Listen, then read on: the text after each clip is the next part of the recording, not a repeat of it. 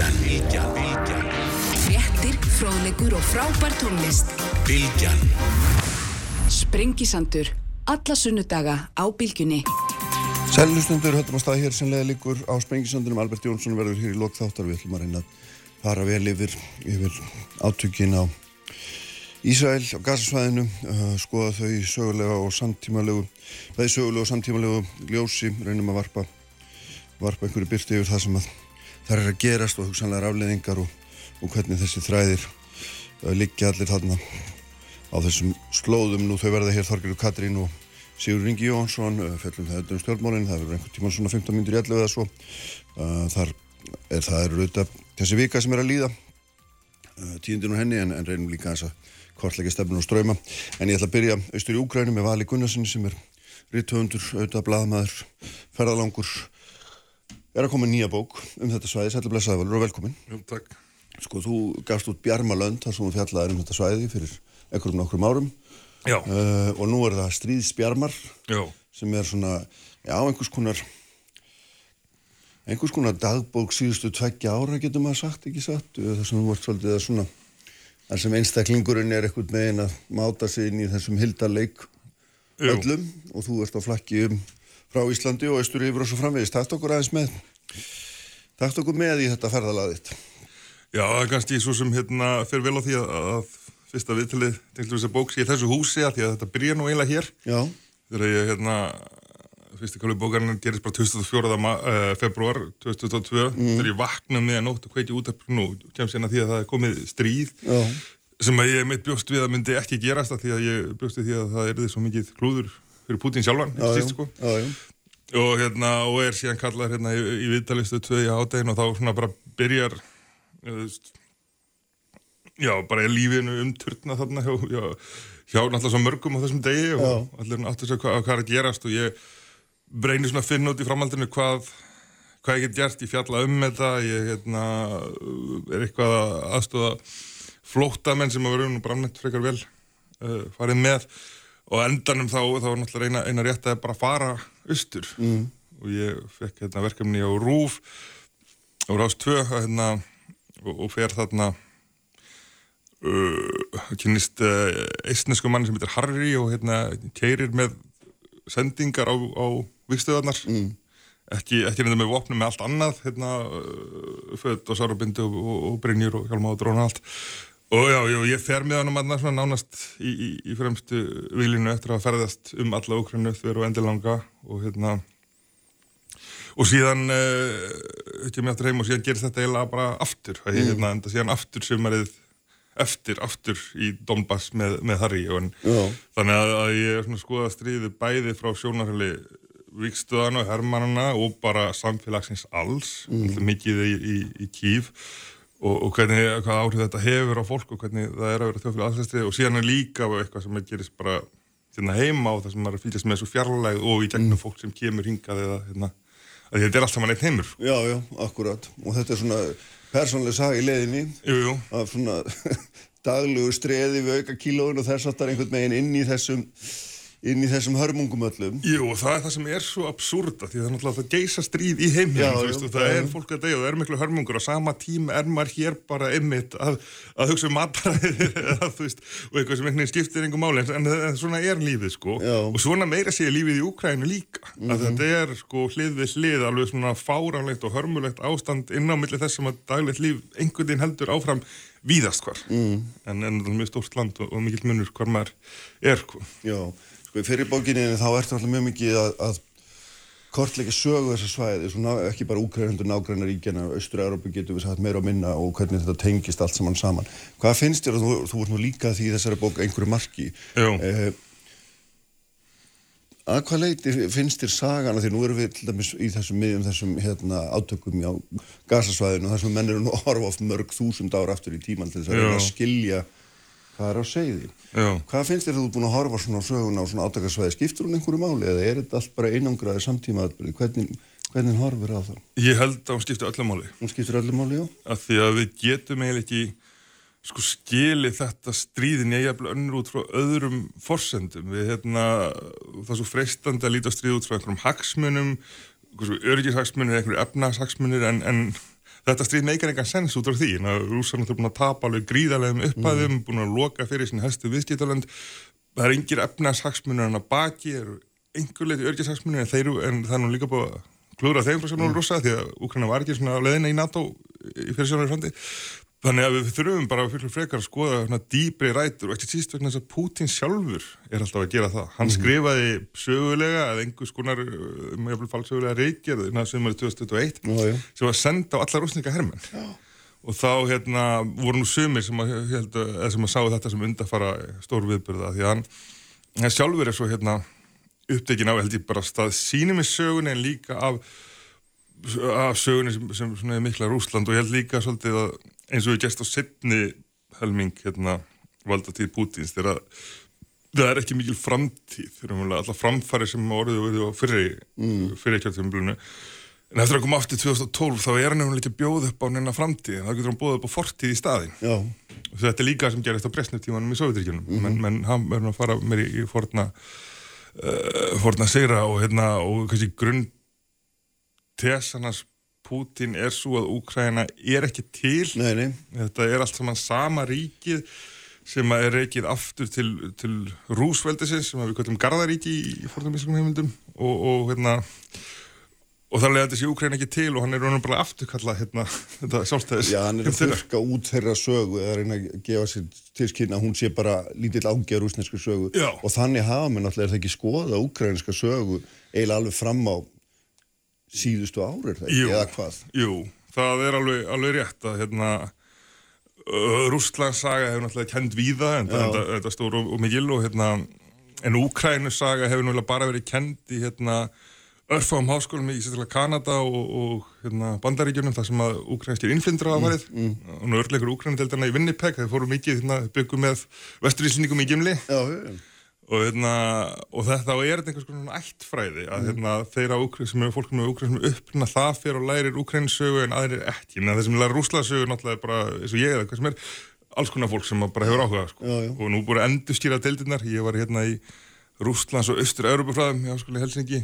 en núna er allt, þetta allt var að skýra þetta hérna mið og austur Europafræði en hérna hvað hva Úkræns saga byrjar er ekkert ljóst og ekki heldur endilega rústnesk en það er þetta samíla upphaf í rúsveldinu, Gataríkja miðöldum sem er stopnað af sænsku vikingum segir sagan og, og fyrir úkrænumennum er, er það þið besta mál að þeir tengjast á Norrlöndurum, tengjast Svíþjóð tengjast Vestur-Európu en rússar vilja þess að meina að þetta þeir hafa nú bara gengið inn í eitthvað ríki sem það fyrir til og kannski orðið það sem sendibúðar sko þannig að þeir, þeir eru að, og lengi verið sem að reyna ekki að gera sem minnst úr þessum svíjatætti í, í, í þessu mikla ríki rús já, en allt snýst þetta vantilega um það einhvern veginn að svona búa sér til einhvern uppruna sem er glæsilegur, búa sér til einhver glæsta sögu til þess að geta hort tilbaka og sagt hérna, þú veist, hérna verðum aftur.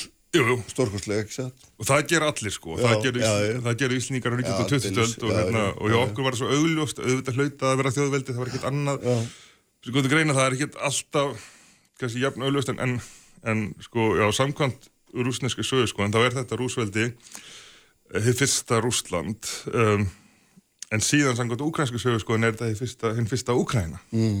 og þetta er þar með þeirra gullöld og bæði ríki eru með hérna, Jaroslav Vitra og, og Vladimir Mikla sem er reynda báðir í fórsetanir, bæði Vladimir Putin og Volodymyr Zelenski eru skildir í höfuð á að, hérna, að þeir eru með það á peningasælum og þannig að, að þeir gera báðið tilkall og hérna að því að sko frá sjónulega úkrænumanna, ef þetta er einn fyrsta úkræna þá er Rúsland bara eitthvað smáríki sem var tilröfnilega setna sem klopnaði frá þessu ríki þegar Mongola tók yfir. Já, og hérna þú veist, það er ekki beint þetta að segja sko af eða á með hvað er rétt. Það er einhver leiti er þetta bæði, einhver leiti er þetta kvorugt þetta er bara eitthvað annað sem hitt var til senda sko.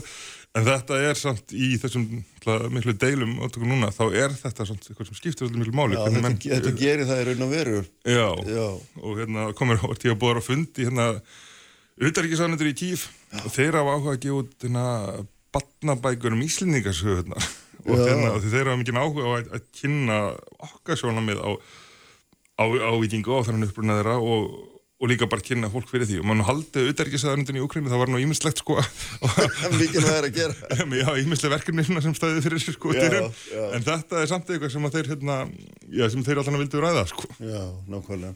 Svo förum aðeins aftur inn í, inn í bókina sjálfa, bara þessa aðferð sem þú beitir þetta eru ekki venjulegt á Íslandi að menn sé að svona skrifa þessar svona sem í dagbækur, sem í ferðabækur, sem í upplifun af öðrum löndum, þetta er, eh, jú, þetta var gert hér áður meðan menn ferðust lítið, Já. þá fórum menn langar ferður og skrifuðu upplifun sína, en hvað hva svona, hvað rekur þið að stað í þetta, þessa aðferði raun og veru? Það er náttúrulega margar ástæði fyrir eins og svo, svo með svo margt. Ég hafi verið í dóttursnami í Rítlist sem að, í Breitlandi sem ég náði ekki að klára og, og, og, og svona var kannski þá uppteknari af stílbreyðum og sá hvað aðri nefndu var að gera. Einhver var að skrifa bókum um hérna uh, Kleopötru og hérna uh, er alveg þannig að þá, þá gerist það þannig að ég fer ég er í síðbúinu meistranámi í sakfræði og fer til Úkrænu byrjun ást 2020 um, til að vinna rannsóknarverkefni og hérna og síðan kemur COVID og ég lokast alveg inni og það er allt hérna bara allt lokað, það er hérna vel miklu meira eldur einst en annars þar það er alltaf lestar, flugvilar allt líka niðri, það er bara að opna maturubúðir sem að uh, kemur nú svolítið við sögu líka í þessari bók sem en, en þá að díla við COVID eftirkastina á því sko. Já, og, og, og apotek og þetta er eina sem er opið sko. Og ég þegar náttúrulega þekki sjálfur sér engan og hérna er ekki tengslu við neitt þannig að ég bara tek mig til annars vegar við að, að sko skrásita þá reynslu miklu frekar og þeim tímapunkti. Þá átti ég bara svo mikla sögu hérna tengslu við Rúsland, jú, fyrst og fremst líka mikið Ísland og Íslandlandin og byrjaði sem í Finnlandir og námið þar og fyrsta ástin var rúsnesk, hálfrúsnesk og hérna og, og átti greinar og, og reykjarðir og hérna og ég svona bara uh, sneið þetta saman í einhvers konar samfeldan texta sem að Já. samt, samt fer fram og oftur bæði í minn eigin sögu og, og í sögu Já, já, Östur-Európu já, já, þeirtist milli landa og, Já, já, út um allt í raun. einhvern, einhvern veginn þá, þá, þá gekk þetta upp og ég var líka svo heppin að fara til bæði til Kvítarús og Georgíu rétt áður en að COVID breyst á áður en ég lokaðist alveg inni. Þannig að þá var ég komið með svona heldar yfirsýr svolítið á hérna. Á, á þetta svæði og þá þegar leiðin er mörgu þá er þetta orðið bara frekar einfalt. Bara setjast niður og svona skrifa um sjálfa mig en alltaf í tengslum við það þema sem er undir Já. hverju sinni. Já. Eitt af þessum þú ert að reyna auðvitað að kortleggja eða svona, eða rannsaka, skoða, hvað maður á að kalla, er hérna, er auðvitað bara hvernig fólk lifir sínu daglega lífi inn í svona, Já, inn í svona, hérna, ástandi. já Hvað lærður þú svona, finnst þér, um það? Þú veist, það er, það er svolítið eins og ég sagði sko þessi hva, lífið heldur áfram og lífið er á einhvern nátt venjulegt Já. bara venst þessum hérna loft árásum uh, þú veist, í Dombas náttúrulega er ekkert eðlilegt líf til eða það sem að þú veist alveg uppi viðstöðunar en í Kíf þar sem að loftan er kynið mjög gott það er þetta svona hlið við hlið um, venlegt líf og, og, og fáránlegt um, baráttu viljum sem að mestu leiti óbreyttur, það er meira, meira þreita setna sumari það sem en, en nú náttúrulega maður svona komast að staða náttúrulega allir hafa mistið einhvern mm. þetta er svona langan tíma og það sem kannski var sláandi hvað fólk hérna bara á auðvelt með að tala um uh, mannfall og, og dráprint og beint sko. þetta verður bara partur af Á kundeginu bara. Já, eins og hérna ung stúlka sem er að kenna er í tungumálaskóla, hann var að kenna uh, ukrainsku en hann, hún, hún sagði hérna og kærastinn hennar er á er á vikstöðunum og hann sagði að hann væri bara ná gamall fyrir þetta, hann, hann þóldi þetta ekki lengur og hann var hann 29 ára sko. Og því að þú veist, menn jafnveg þó að menn lendi ekki í neinum þá, þá svona keirast menn bara út sko, bara líka maður sál sko þó, og hérna hún sagði þetta var svo ósangjant vegna þess að við erum bara að drepa þeir eru að drepa okkar besta menn og við erum bara að drepa fangilsismatinn þeirra. Og þetta er svona ung stúlka getur alveg bara hort á sko hvað þú veist að- að að þeir ættu núna að drepa fleiri og betri rússa heldur en eru að gera sko. Þetta er bara einhvern sem verður bara partur af sko. Já, bara partur á svona daglegu já, spróki og enginn kipi sér upp við þetta Nei. það sé fullt af einhverjum svona setningum sem að enginn myndi segja undir venlugum Nei, kringumstæðum. einmitt og lítur kannski undan út. Þess vegna er ég held í bókin að reyna að fara frekar hægt inn í stríðið frá þessum statur hérna og, og síðan eftir því sem að tíminn líður og, og síðan bara er maður sjálfur farin að verða sko þú veist farin að verða meira heitt í hamsi og, og, og, og ég leiði því mest að haldast þótt ég var að fara yfir síðan textan eftir ég kom heim sko. Já, akkurat. Við skulum hérna gera eitt örstu hlýja eittur hérna valur og, og, og hérna kannski aðeins fara aðeins inn í nútímanum. Langar aðeins að spurja því svona bara úti líka hvernig þú metur, metur stöðuna því það er nú hérna þetta er svona einhver segfljótandi atbyrðar sem maður veit ekki alveg hvert er að fara. Nei, ja, veit vist engin en, en, en það er einhverja sviðmyndir samt. Já, já. Skulum gera hérna örstu hlýja, höldum svo áfram með Vald Gunnarsson í hérna eftir öngublik. Sprengisandur á bylgjunni Sprengisandur. Alla sunnudaga á bylgjunni. Sællega áttur hlustundur þau verða hérna hjá mér eftir Þorgjörður Katrín Gunnarsdóttir og Sigur Ringi Jóhansson Fjöllum þá að það, þá, hérna, þau tíndi sem hafa orðið hafa núna síðusta uh, og aukast að taka aðeins svona húlsástórum og stefnum í, í stjórnmálum í öngumlíkinu Albert Jónsson verður hér í, í lók þáttar. Það ætlum að reyna að fjalla eitthvað um, um ástandið í Ísrael á Gaza sveðinu sérstaklega þetta en hér hjá mér er ennþá Valur Gunnarsson reytuhöndur, blaðamæður uh, heimsáttan flakkari Valur sko hérna þú sko hvað hva myndir þú svona við spyrðum nú þeirra hátilega spurninga hvernig, hvernig er staðan í þessu stríði? Þegar mér finnst það svona þegar maður reyna að lesa sig áfram í gegnum þetta það er það er, það er háran alltaf að segja þessu sko lítið að gerast með að það er að hérna með að fólk hrinur eða fólk er skotið Já. og bombard er að miskunum laustu þetta fram og tilbaka en, en, en výlinunar reyfast ekki mikið Nei. og hafa ekki gert eiginlega bara tölvöld lengi sko þetta er, jú það var þessi sömar vor hérna sem var nú haust framsók ógrænumannar sem að vissulega fariði tölvöldan ávinning en rúsarnir harfuð og styrtu varnir sínar og, og allt verðist þetta verið í frosti fyrir veturinn eða hvernig svona Jú, frosti fyrir veturinn það er svona, jú, jú, úkrænumenn unnu sko eftir að rúsar hefur verið sækjað fram og unnur úkrænumenn mikla sigra síðasta haust. Já, já. unnaðu að frelsa bæði Kharkiv, Fjörað og, og Jöstri og Hersson í sumri og þetta er náttúrulega jókvæntingastuðilinn svolítið mikið Já, að, að hérna, þetta væri bara uh, hægt að, frelsa landið tiltöla hratt en, uh, en þegar að þessi sumarsókn hóft núna þá kerðu hún svolítið fljótt í strand um, rúsar hefur komið fyrir áleg gríðalegu magni af jærsprengjum hérna.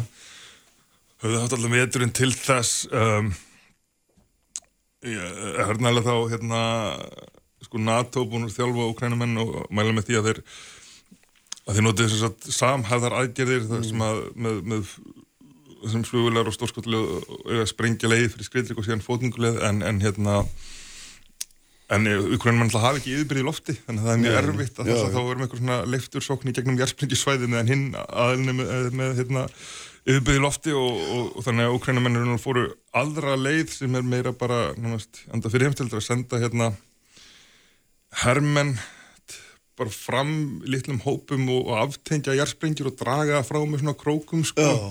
og þannig búa til hérna, svæðið fyrir alltaf sækja gegn. Ég fór á heimsótti 80. sveitina sem er að vinna í þessu og ég spyrði þá hvernig farið það því að aftengja jársprengjum með rússar skjóta á okkur mm. þessu, já við aftengjum jársprengjum með rússar skjóta á okkur það er bara þannig já, það eru tvei það er bara í þessu hérna í dundrandi lífsættur bæði ofan og neða jarðar má ég lega segja sko. já, tveir, tveir lífandi 130 manna sveit en þeir hérna halda tveir, býtu, það eru tveir ennþá lífandi af því sem eru upprúlega 130 manna sveit Já. en þeir held að útræðir áfram sko og er alveg algjörlega mótið öllum hérna allir í uppgjöfu hérna Já. og hann hérna dölunni Kott var að sína bara myndir af dóttu sinni og inn á millið sem var að sína örin hérna, með á maðunum hérna já, en, en það var enginn bilbugu þarna en þetta er bara, þetta er náttúrulega ofbóðslega hæg leið til þess að sækja fram og, og sjálfuð sér ógerningur, það er náttúrulega spurning hvort það komið svo tímapunktur að vilnur rúsa nátt brotni uh, og að það sé að sækja fram með meiri hraða. Auðvitað ekki gerast í haust kannski vetur næsta, næsta sumarfrekar mm. og hérna er menn eiga eftir að fá fullt af hlutum hérna það er mjög sannilegt og nánast hver sem vinnur í fórstakvæmstum bandaríkjum þá er mjög sannilegt að, að, að kannski svona mesti, mesti ströymurinn af, af herrgögnum sé búinn og líka Östur-Európaríkir er búin að senda allt sitt gamla soviska dót og, og, og en hérna en, en þannig að styrkur úkrænum alltaf kannski ná hápunkti kringum næsta sumar, þá er það kannski búin að fá F-16 flugurinn og ef þeim tekst ekki að brjótast í gegn þá þá er mjög erfitt að sjá að, að neinum munni takast það sko. þá náttúrulega er þetta kannski algjör kyrstuðu stríð sem gæti staðið þannig í mörg ár eða þá að einhvern tímann verðið samið um, um vopna hlið, kannski miklu frekar hendur en frið sko. Já, já, nákvæmlega. Sko, það er núna eftir því sem ég skilst, þá er hérna, þá er bara, þá er eiginlega komin bara nýtt, svona, einhver nýjum miðpuntur, þorp eða, eða hérna, bær sem heitir ég, Afdívka eða Já. því um líkt og þar eru hérna, þar er miðpuntur átakana núna, þar hérna, held ég að þorpi sjálft sér lengur er tómt af fólki, það er búið að skjóta það alveg stanslust í, í tvö ár, en þetta er einhver svona, einhver stað þar sem að, hérna, sko, úkrænumenn hafa haldið þrátt fyrir allt og geta ómögulega að hugsa sér að missa Já. en er kannski ekki einu sinni mikilvægur af neinu öðru leiti en því, sko Já, og þá má þetta spyrja svo sem hvað, hvað er mikilvægt og hvað ekki. Ardifka er sunnan við Bakhmut og af, ég held, af 30.000 manns sem byggur þar þá eru 1600 eftir. Já, einmitt. Og hérna, Bakhmut er þetta tákran líka, en og þú veist, menn hafa svo verið að, að, að mæla með að, að gefa eftir landin, en náttúrulega einhver staðar þarf að berjast, ef það er ekki Bakhmut þá er það bara næsti bær eftir sem er slóvianska, kúpianska sem ég Já, var. Þannig að ég, en ég veit ekki, ég myndi vilja sjá Ukrænumenn frelsa Bakhmut og síðan kannski fara að huga ofna lengur, það myndi vera svona tákrat sigur sko, því þetta skiptir svolítið miklu máli hver, hver er að vinna tákrana en sigur, Já, sérstaklega að því að það gerist svo lítið raunverulega á já, viðutum sko. já, já, það, það skiptir máli hver getur sagt hvaða sögu í svona Það já, það skiptir alltaf máli í sögnir það er hérna það er mjög merkilegt að Pútín hafi ekki verið með aðra herútkvæningu eins og hann með síðasta haust mm. því að rússar náttúrulega eru miklu fjölmennari ættu þar að leiðandi hafa meiri úthald í lungu stríði en ef hann getur ekki kalla fleiri í herin og, og, sendt liðsauka þá náttúrulega er hann fyrir úr sem bara minkandi í Já. innan Ukrænu og hérna sem segir okkur ég finnst að þá var hann búinn með sko það auðveld, hann er búinn að senda alltaf baskýrana og túfana og þessar svona minnulegt hópa sem er frá Sýberíu og búinn að senda fangana. Þannig að í næstu herkvæningu þá myndi hann jafnvel þurfa að fara uh, að leita á unga menni í Moskva og Petersburg og þá er hann kannski hægt kominn. Já, og, og það að hann sé svona tregur til það sýnir að hann er ekki mjög, mjög tryggur í sinni stöðu.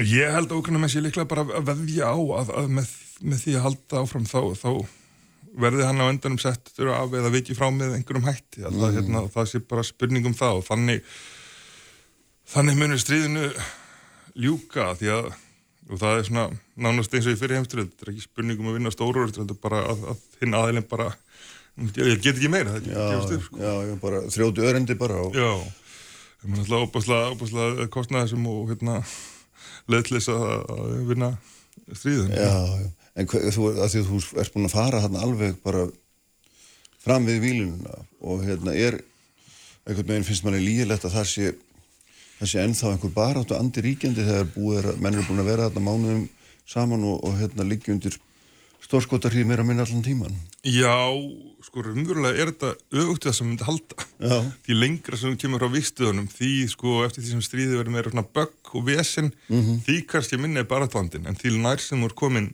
stríðinu sjálfu, því meiri verður hann sko. Mm. Þannig að hérna, ég fór líka heim til þriði árásveitina sem er eh, við bakmút sem er talan mjög svo besta í hernum sko, þeir, þeir fá ekki viltir að því þær eru senda söður sko, þeir fá bara skoðlítið mann og er sett að, að ná restina af rússum sko, en að þegar þar, þar var alveg óþrjóðandi bara þetta vilja og ég held að ef að þetta semja um frið á þeim fórsöndum að rússar myndi halda einhverju eftir af Úkræna, það myndi verða erfitt, það myndi vera mjög illa séð af hernum og hermönunum mm. sem að segja, minnstu gott að að flytja til Pólunast þá eða, En það er þá ekki þannig eins og stundum er að sagt að, hérna, að, yfirmenni skáki undirmennuna fram og tilbaka í þeirra óþök heldur að þú er ekki, vistu hvað störði var við þann lístu því bara eins hvernig er að koma á svona stað sem að hérna, það sem að menn eru undir stanslösi Já, árás, liggjandi stanslega árásum.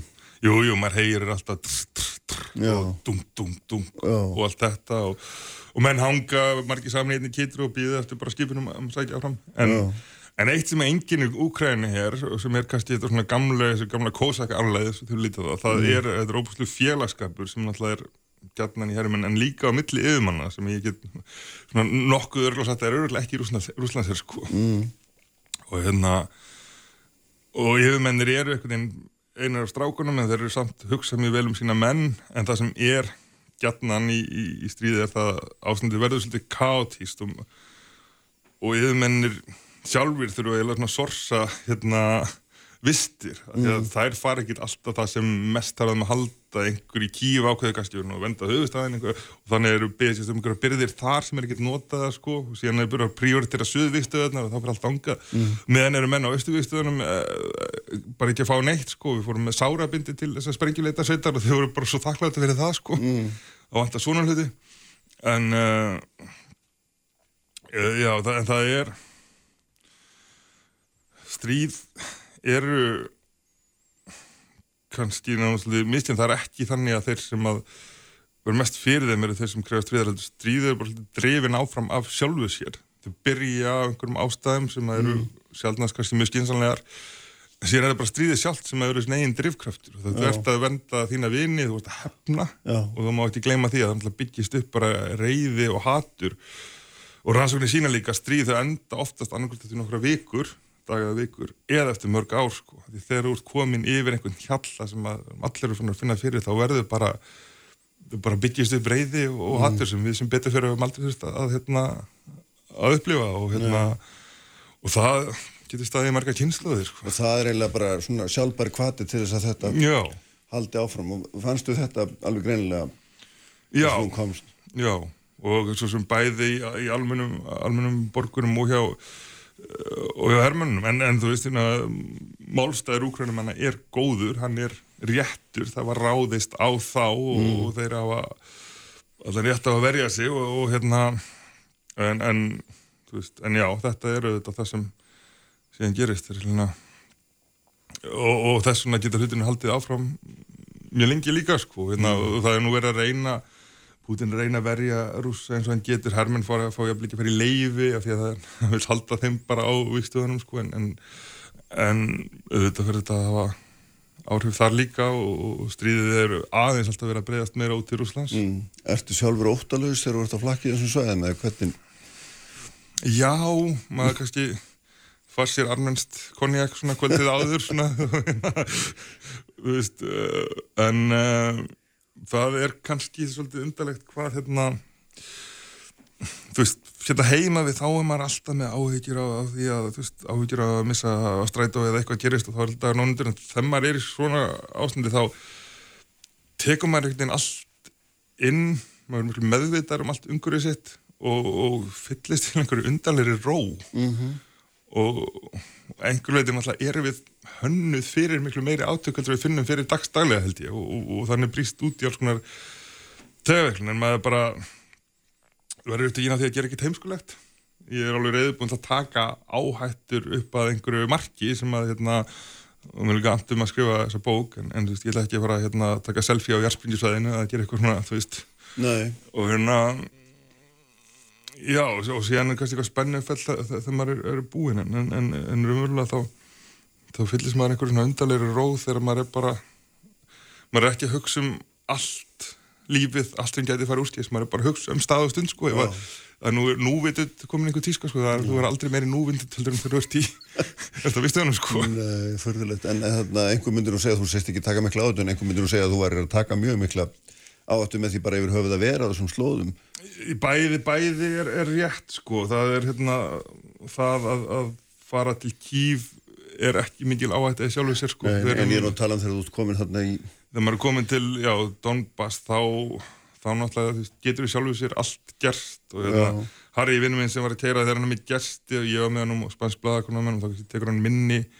Áhættur hann sínt mér vídeo þar sem að klasasprengjurnar springa, allt í kring og, og tæta upp trí og sagði mér ekkert um sem að hann keirir í gegnum þess bara Já. já, já. og það er bara ekkert að gera hann að keira áfram sko og hann var að segja mér að því að einhvern tímann einhverju taka fram úr og þá bara gufaði hann upp sko því að það er, það er búið að taka jæsprengjur á vegunum en ekki, ekki við liðina þannig að utan að aftur er ekki, ekki ráðlega og það er hérna þú veist og já og maður náttúrulega er að veist, fara inn í þetta ástunda því að þetta er ekki þetta er ekki eins og menn fara í NATO Hvað, hvað rekur þið þangað valur í, í þetta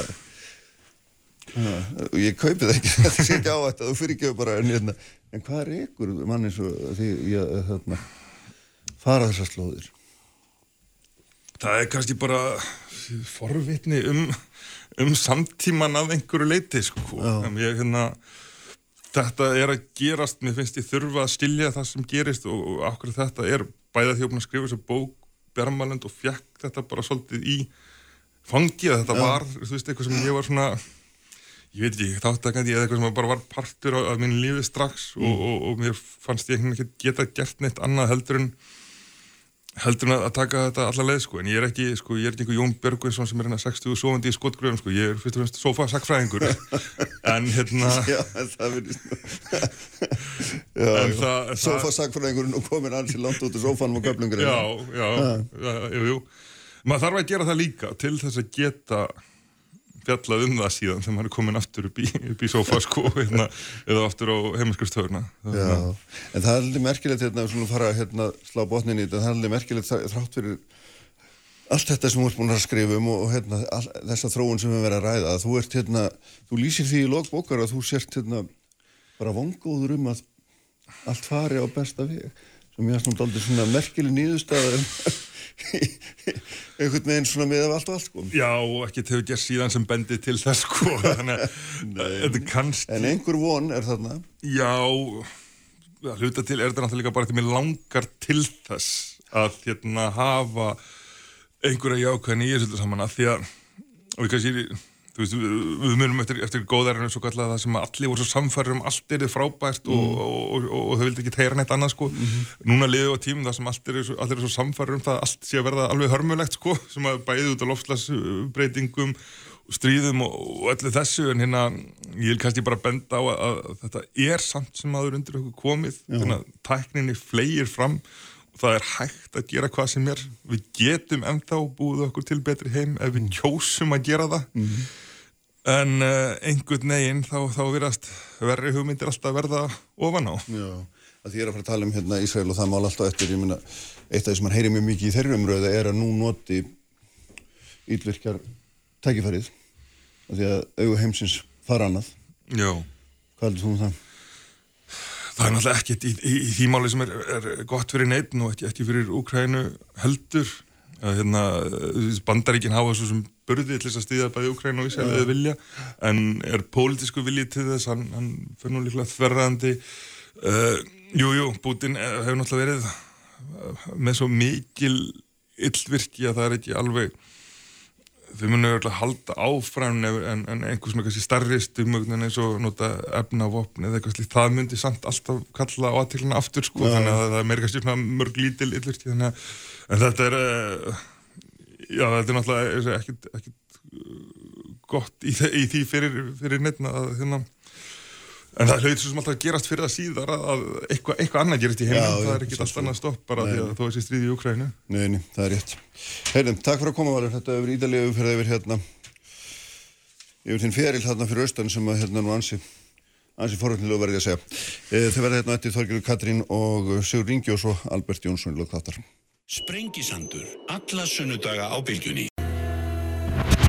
Kraftmikil umræða, alla sunnudasmórna, sprengisandur á bylgjunni. Seljustendur, Valur Gunnarsson, farin frá mér, Albert Jónsson verður hérna á eftirinu þau eru sest hjá mér Þorgjörgur Katrín Gunnarsdóttir og Sigur Ringi Jóhansson, Þorgjörgur auðvitað formaður, viðreistna Sigur Ringi Framsóknarflokksins. Sæl blessa bæði tvö, velkomin. Takk hjálpa. Sælir. Byrjum aðeins í, byrjum aðeins í hérna þessum pólitísku tíðendum sem urðu í síðustu viku þegar að fjármál efnarsráðara lísti yfir að hann gæti ekki setið í því ennbætti lengur af því að, að það kynna varpar írið á, á söluna á restina á Íslandsbanka eftir því sem ég skilst að það hafi verið almálið og hérna en hann gæti hæglega fært sér í annað ennbætti því hann nýti annað öðru leiti almennströst ég meina, er þetta réttu skilningur hjá mér, þetta snýst þetta bara um þetta eina þetta eina mál. Hvað segir þú Þorgirður? Nei, rauninni gera það ekki en, en ég er alveg sammála uh, formanni sjálfstæðarslokksins að, að það þarf að tryggja áframhaldandi sölu á, á Íslandsbanka en það sem hefur eins og komið í ljós er að náttúrulega sjálfstæðarslokkurinn bara einfallega ræður ekki við verkefni. Það er náttúrulega búið að draga það fram. En það sem mér finnst líka um, svona koma í ljós eftir þetta að Mér finnst eins og ríkisvöldnaflokkarnir sé ekki alveg að, að viðurkenna niðurstöðu umbósmanns alþingis mm -hmm. og við verum átt okkur líka að hafa í huga þetta ferli. Við erum með ríkisendurskoðun sem kemur með áfællistóm, við erum með fjármála eftirliti sem er með skýran áfællistóm, það hann leiði til þess meðal annars að bankasíslan er, er lögð niður, við erum með 1,2 miljardar uh, sekt á Íslandsbanka, formaður stjórnar Íslandsbanka sem vel að merkja hafði ekkert komið að Frankvandin heldur komið inn eftir á, hann axlar ábyrðirunni og, og, og hættir eh, formaður og bankastjóri Íslandsbanka sem að tekur ábyrðina og, og axlar hana á, á mistöku starfsfólk síns og hún stýgur til hliða þannig að það, en allt þetta kallar meðal annars formaður sjálfstæðisflokksins bestu sölu, uh, bankasölu í, í Íslandsögunni. Mm -hmm. Þetta er náttúrulega mjög kaltænislegt en ég held að, að við þurfum að ynga síður að taka verkefnið og ég alvarlega og ég sammála ríkisjóðinni að við höfum að halda áfram en við getum ekki hald, haldið áfram á, á sama grunni. Þess vegna höfum við í viðreist lagt að uh, nokkru sinni fram núna á, á síðustu, uh, síðustu vikum að, að það þurfi til þess að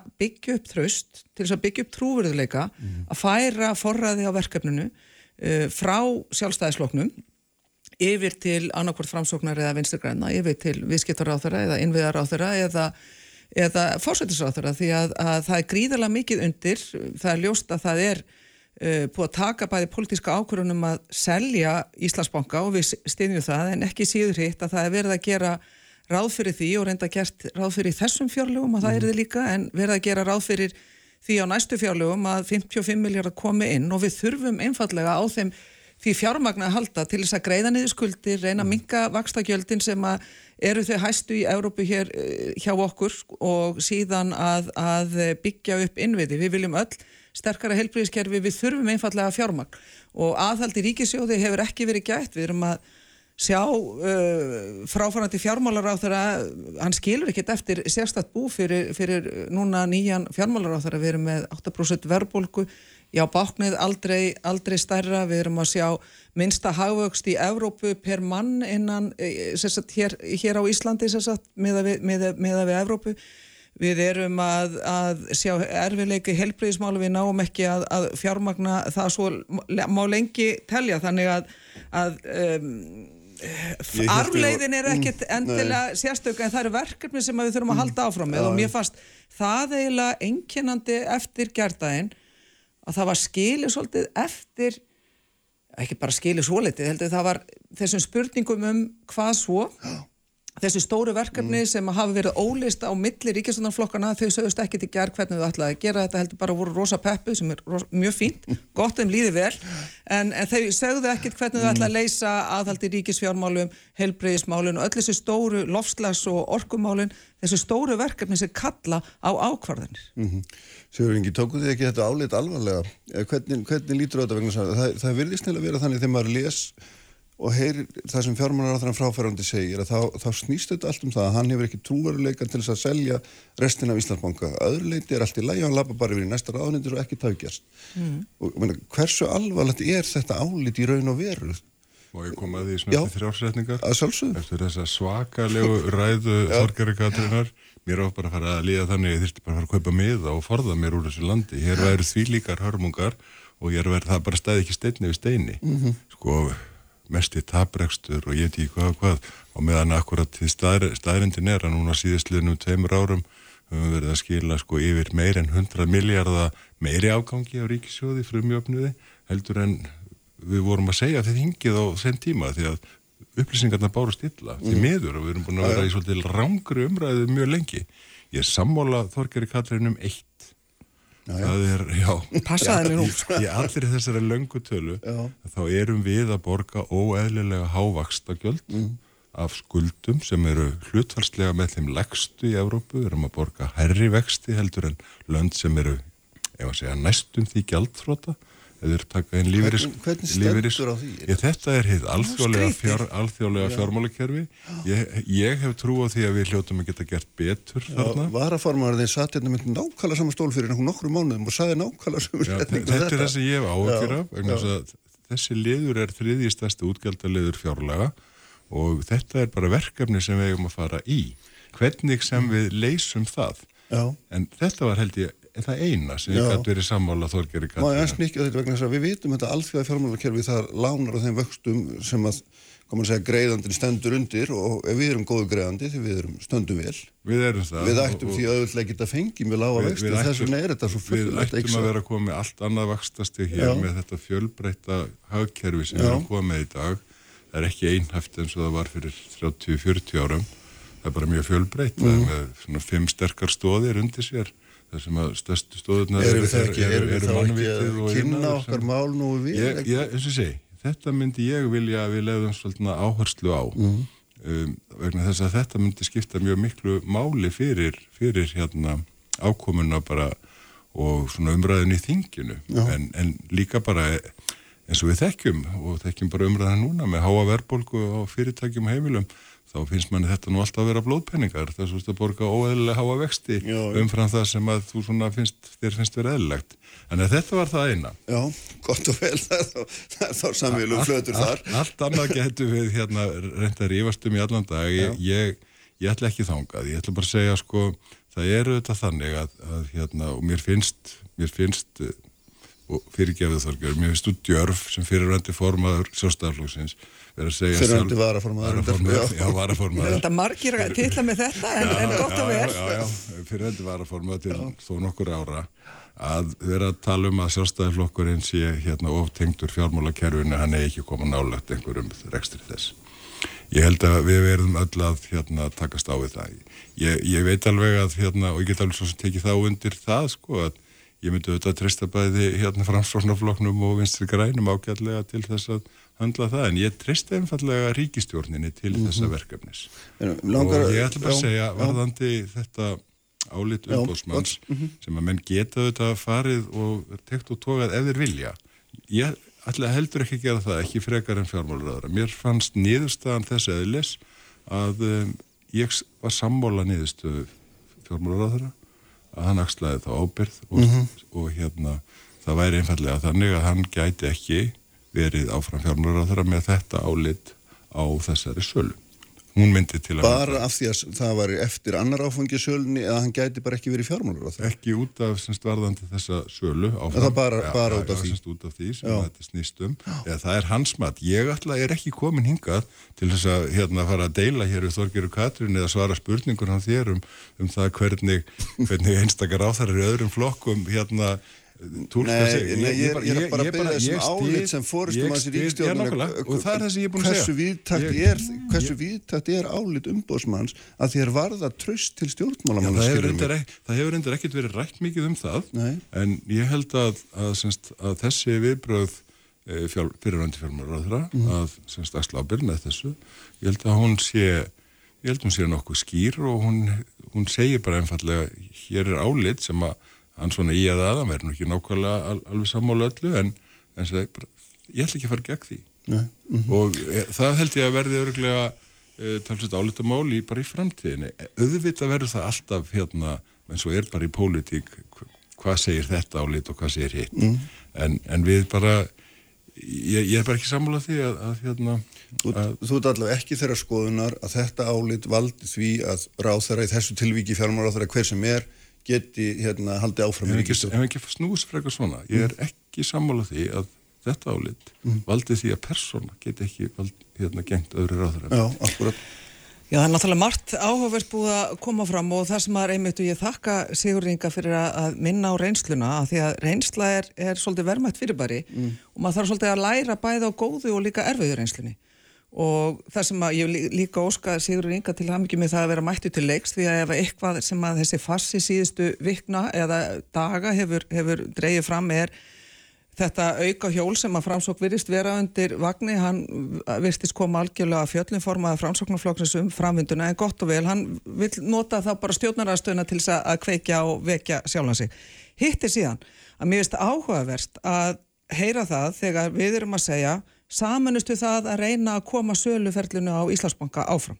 Hvernig gerum við það? Við þurfum að byggja upp tröst eins og við gatum áðan, trúveruleika. Það gerist ekki með, með hana sjálfstæðisflokkunum fer með forræði málsins.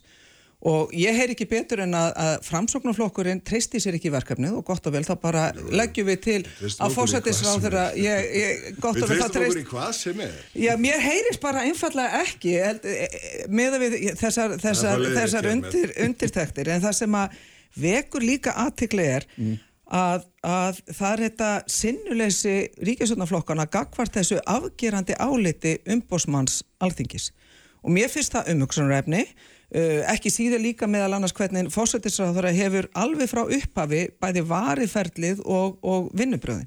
Það finnst mér umhugsunarefni og þau eru eins og þau eru ekkert að taka álitið og hugsa býtu hvað getur við lært af því að skiptir einmitt svo miklu máli að reyna að læra af reynslunni.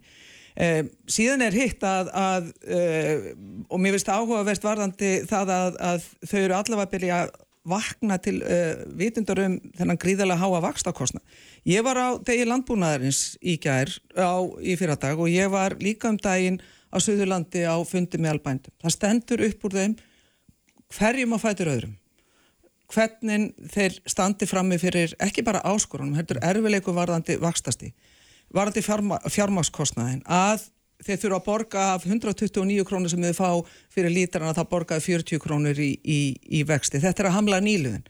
Þetta er það sem við verðum að reyna að horfast í augu við e, í samfélaginu að, að þessi rándýra ríkistjótt sem að gerir ekki annað heldur en að fara í stólaskipti og, og það var bent á því ekki eins og hún væri að setja sjálf sig í öndunarvél næstu tvö árin, bara gott og vel en þetta er dýrt fyrir samfélagið við, ég er að fá pósta ekki bara frá fólki sem hefur verið að fjárfyrsti fyrst íbúð heldur líka foreldra þessara, þessara uh, þessa fólks sem segir við getum ekki að hjálpa þeim. En við erum að horfa upp á börnun okkar. Fara úr 150.000 króna mánaðilegum greiðslu fyrir húsnæðisláni sitt yfir í 350 úr 190 í 400.000 þetta eru kennarar, þetta eru rafvirkjar, þetta eru, eru hjúgrunafólk það getur ekki staðið í þessu. Fyrir utan það að matarkarfan er orðin svo og hefur verið nokkuð lengi svo dýrasta í Evrópu og, og innlendafurur er að hækka hlutvarslega, hlutvarslega mest. Allt þetta hefur, hefur gerst á vakt þessari ríkistjórnar og það bara bongo blíða hjá ríkistjórnarni og hún segir bara og Sigur Ingi í rauninni segir hér á Þorgerður, sérði ekki veisluna sem við erum búin að búa við? Og staði fyrir við erum bara einfallega að segja elsku kæru vinir halda þessari ríkistjórn áfram en takiði ákvarðanir. Talandu fundi, ég var á lands, eh, haustfundi í landsvirkjunar, þar sem verið að tala um meðan einmitt á starfstíma þessari ríkistjórnar hefur varið hafa ekki ákvarðanir orkumáli verið teknar. Ekki upp á framtíðina. Það þýðir að við erum að hæja á hagvexti til lengri tíma hæja hæja hæja á já þú bara sannleikunum hvers á reyðastur og það er þetta sem að er sko þetta var alveg skýrt á fundi landsvirkjunar. Við þurfum ákvarðanir. Þessi ríkistjórn er ekki að taka í ákvarðanum ákvarðanir í stórum málum framtíðamálum fyrir, fyrir land og þjóð. Já, Sigur Ingi, svo gerum við hlýða það útbúin. Já, já, bara eina sekundu eða eitthvað svo leiðis hérna, sko, bara mjög hrætt um, Þessi ríkistjórn kláraði ramma allir sem hafi verið stopp í nýju bara svo til að svara að eitthvað verið gert. Já. sko að hérna að við hefum ekki axlað neina ábyrð og sagt að enginn hafi gert neinn mistök í sölu og Íslandsbanka. Guð minn góður. Ég sagði strax að bankasíslan hefði ekki hérna staðið sig. Ég, mér síndi strax á, á þeim pappiru sem komið þar fram að, að fra, framkvæmdaræðili sölunar hefði jafnvel fram í lögbrot mér síndist fjármálæstiliti hefði gert það. Ég var mjög skýr í þeirri afstöðu minni að, að það gengi auðvitað ekki að mm. fólk sem að væri að höndla fjármunni almennings gerði með það með þessum hætti. Ég, þetta er allt saman rámt sko. og svo langar mig virkilega í þessu umræðum um vextina og, og landbúnaðin af því að þar held ég að við getum svona kannski upplýst fólku um mismunandi afstöðu. Mm.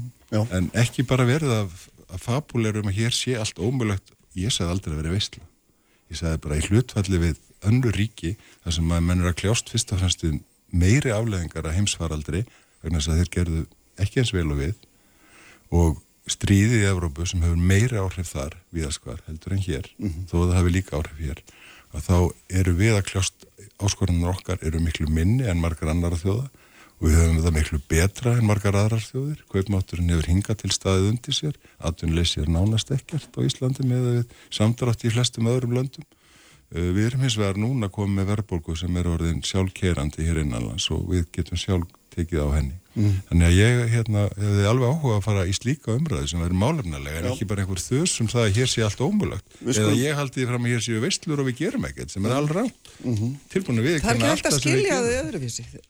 Ójú. Nei, bara, bara ekki. Já, heyrðu, við skulum gera stöðli og svo skulum við mitt fara í hérna, umræðin um vextu verbulgu því það er eitt blínasta viðfangsefni hérna, næstu, Já, næstu Sprengisandur, alla sunnudaga á bylgjunni. Með þér allan daginn. Hvar sem er, hvena sem er, bylgjan. Bylgjan.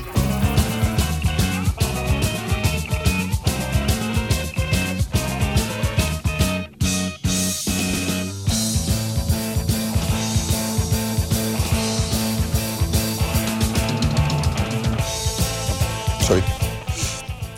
Sæli átturlustundur, haldum áfram hér með Þorgirði Katrínu og Sigur Inga Albert Jónsson er hérna á eftir. Sko við vorum eiginlega komin að þeirri nýðustu völdum að þess að ræða núna um verðbólguvexti. Þetta er auðvitað stærsta verkefni okkar núna næstu, næstu vikuna, næstu mánuðin er auðvitað nániði verðbólgunni, lækka vextina, uh, ekki síst til þess að koma nú einhverju skikki á húsnæðismarkaðin og líka kjör smæri fyrirtækja, einirkja, bænda. Sigur Ingi, þetta er verkefni sem að hérna Þegar við staðið framfyrir núna lengi, Sælabankin hefur kvarta mikið undir því að hann sé einn á vaktinu hafi verið lengi. Hvaða, hvaða, hérna, hvaða úrraði serðu? Hvaða úrraði serðu og hvaða þróun serðu fyrir? Sko, stuttan aðdraðanda. Við fórum í gegnum COVID. Það er alltaf sumir að segja að það með ekki vera að tala alltaf um COVID og stríð. Já, en sko, það er bara risa þættir í efnagslifi heimsins og Íslands þar með. Það er hérna söðumarkir, stjórnarnarstaðan til að mynda að við gerðum alltaf lítið. Og við sáðum líka að við ætlum að gera meira minna. Sennilega gerðum við heldur of mikið. Ef við hefðum hlustað á stjórnarastöðuna þá væri ástandið verra á Íslandi. Verðbúkan herri og við værum að kljóstuð erfiðari hluti. Mm -hmm. um, þannig að ég held að við hefum gert rétt. Vissum við það nákvæmlega fyrirfram? Nei, við bara vorum að reyna að greina og reyna að gera okkur besta. Uh, þegar við komum síðan inn í næstu misseri, næstu ár og stríðið byrjar að geisa og verðbúkan fyrir upp þá byrjar sangurinn um að hér sé allt, og við herðum bara á þann, mm. hér sé allt ómulagt. Það sé allir að missa heimilisín, legan sé komin upp á öllu valdi e, og það verða að grípa til stórt kostlegra aðgerða. E, það er greiningar sem að stjálfmankin hefur verið að sína í fjármála stöðuleikaritónum er þær að almennt er þessi stað ekki komin upp að sjálfsöguru til einstaklingsstæmi og þau eru ekki góð og ég ekki, dreg ekki úr þeim en þau má ekki alhefa. Ef við hefðum síðan farið aðgerðir, mm -hmm. grundvallaðar á þessum einstaklingsdæmum sem meðal annars stjórnarnarstaðan hefur kallað eftir, þá hefðum við held óli á bálið. Þá væri staðan verri.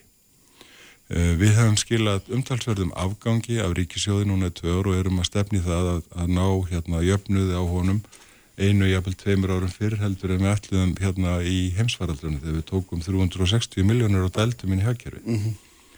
Þannig að... Eh, miljarda, en það skiptir ekki máli. Já, miljarda, miljarda. Skildu það til? Nei, það er mikilvægt að vera skýr. hérna, að, þannig að núna erum við stödd þar að við verðum að ná þessari samstöðu í samfélagina því að nú erum við svolítið farin að keira á eigin vélarafli.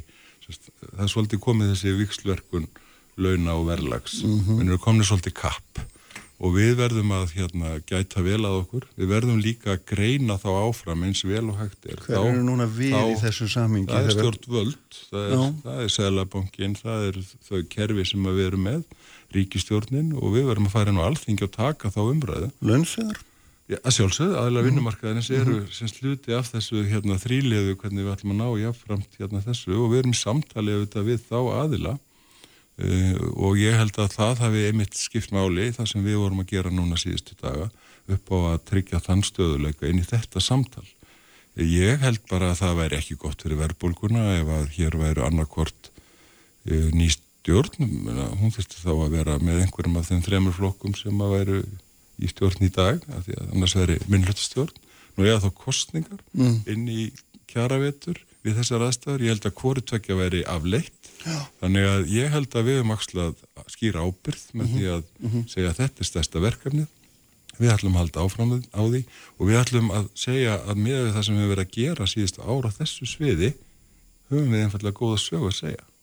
Ef við hefum hlustið á stjórnarastöðuna þá væri, við, væri staðan sem sett mhm. verri.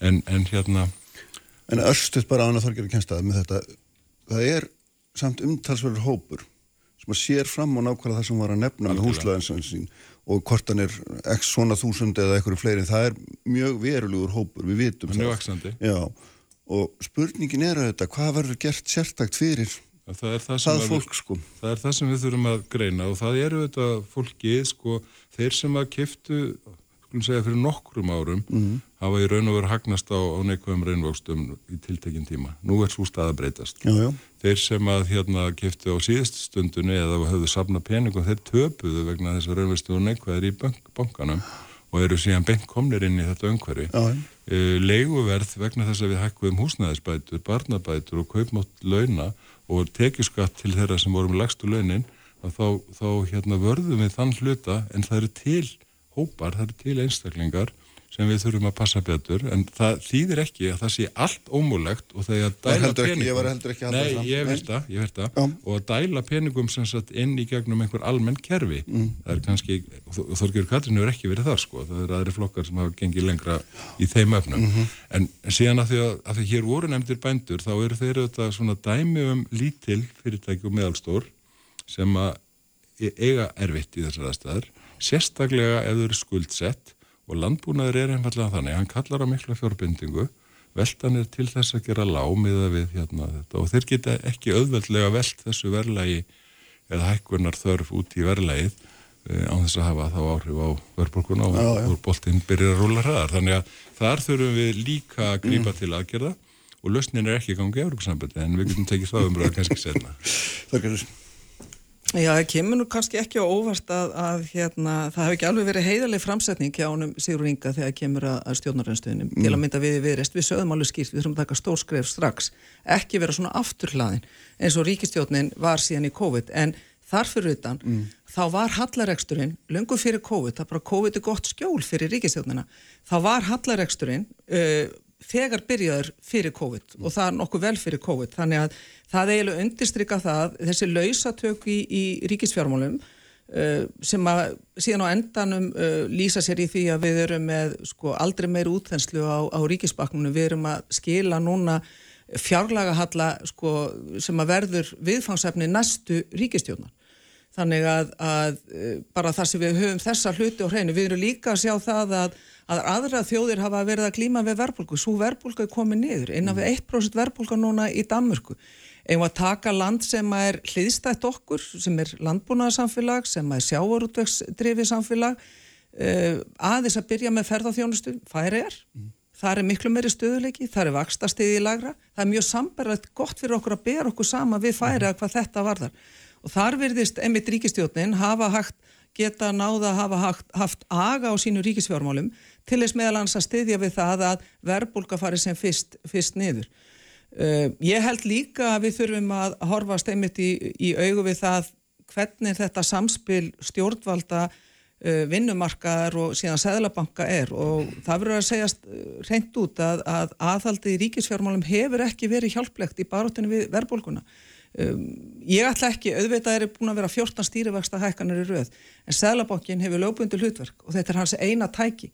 Það er að, að, til þess að berja, berja skekk verðbólkunni mm -hmm. og hann hefur verið svolítið upp á síkastu og hefur nú verið gaggrinn ofta á selabankastjóra en hann hefur verið svolítið hrópandin í, í eðimörkinni þegar kemur á þessu og, og, og hóflega að mínum að þetta er gaggrind ríkistjónina En hvað myndur þú vilja, til hvaða aðgjörða myndur þú grípa núna sjálf eða þú bærir þeirri stöðu að þú gætir hérna? Já, fyrir fyrsta myndum við ekki vera nákvæmlega í þessari stöðu. Nei, þú veist, ef að við erum búin að koma til að mynda með alls konar tilögu til þess að lækka ja. matarkörfuna sem er ja. einn helstu útgjaldaliður uh, samfélagsins eða heimilana í landinu, við, við höfum en meðan við erum í íslensku krónu þá erum við alltaf komin að þessu sem að við í viðreysn erum einu flokkurinn í dag sem er með mitt að benda á rót vandans og það er gjaldmiðlin og við höfum komið fram ítrekkaði gegnum tíðin allt frá stopnum flóksus með tillögurum það hvernig hægt er að bæta þetta og kannski er það þess vegna sem að ríkisvöldin hræðist þessu umræðu því nýr gjaldmiðl eða tenging við mm. annan gjaldmiðl kallar á meiri aga í ríkisfjármála Nýr gjaldmiðl er ekki innan seilingaþorginu og við erum bara en, með stöðin eins hún er já, og ég spyrði þig já. núna, alveg svo ég spyrði Sigur á það hvað gerum við núna, skilur við, til þess að ná þessari, þessari þróun eða snúa þessari þróun við væri betra að segja. Við þurfum að sína aðhaldi ríkisfjármálum, við þurfum mm. líka að vera... Það ónótt semst núna... Já, við, þurfum, já, við þurfum betri rekstur í ríkisfjármálum. Mm. Við erum að horfa upp á það að á öldrun þjóðarinnar nýjar,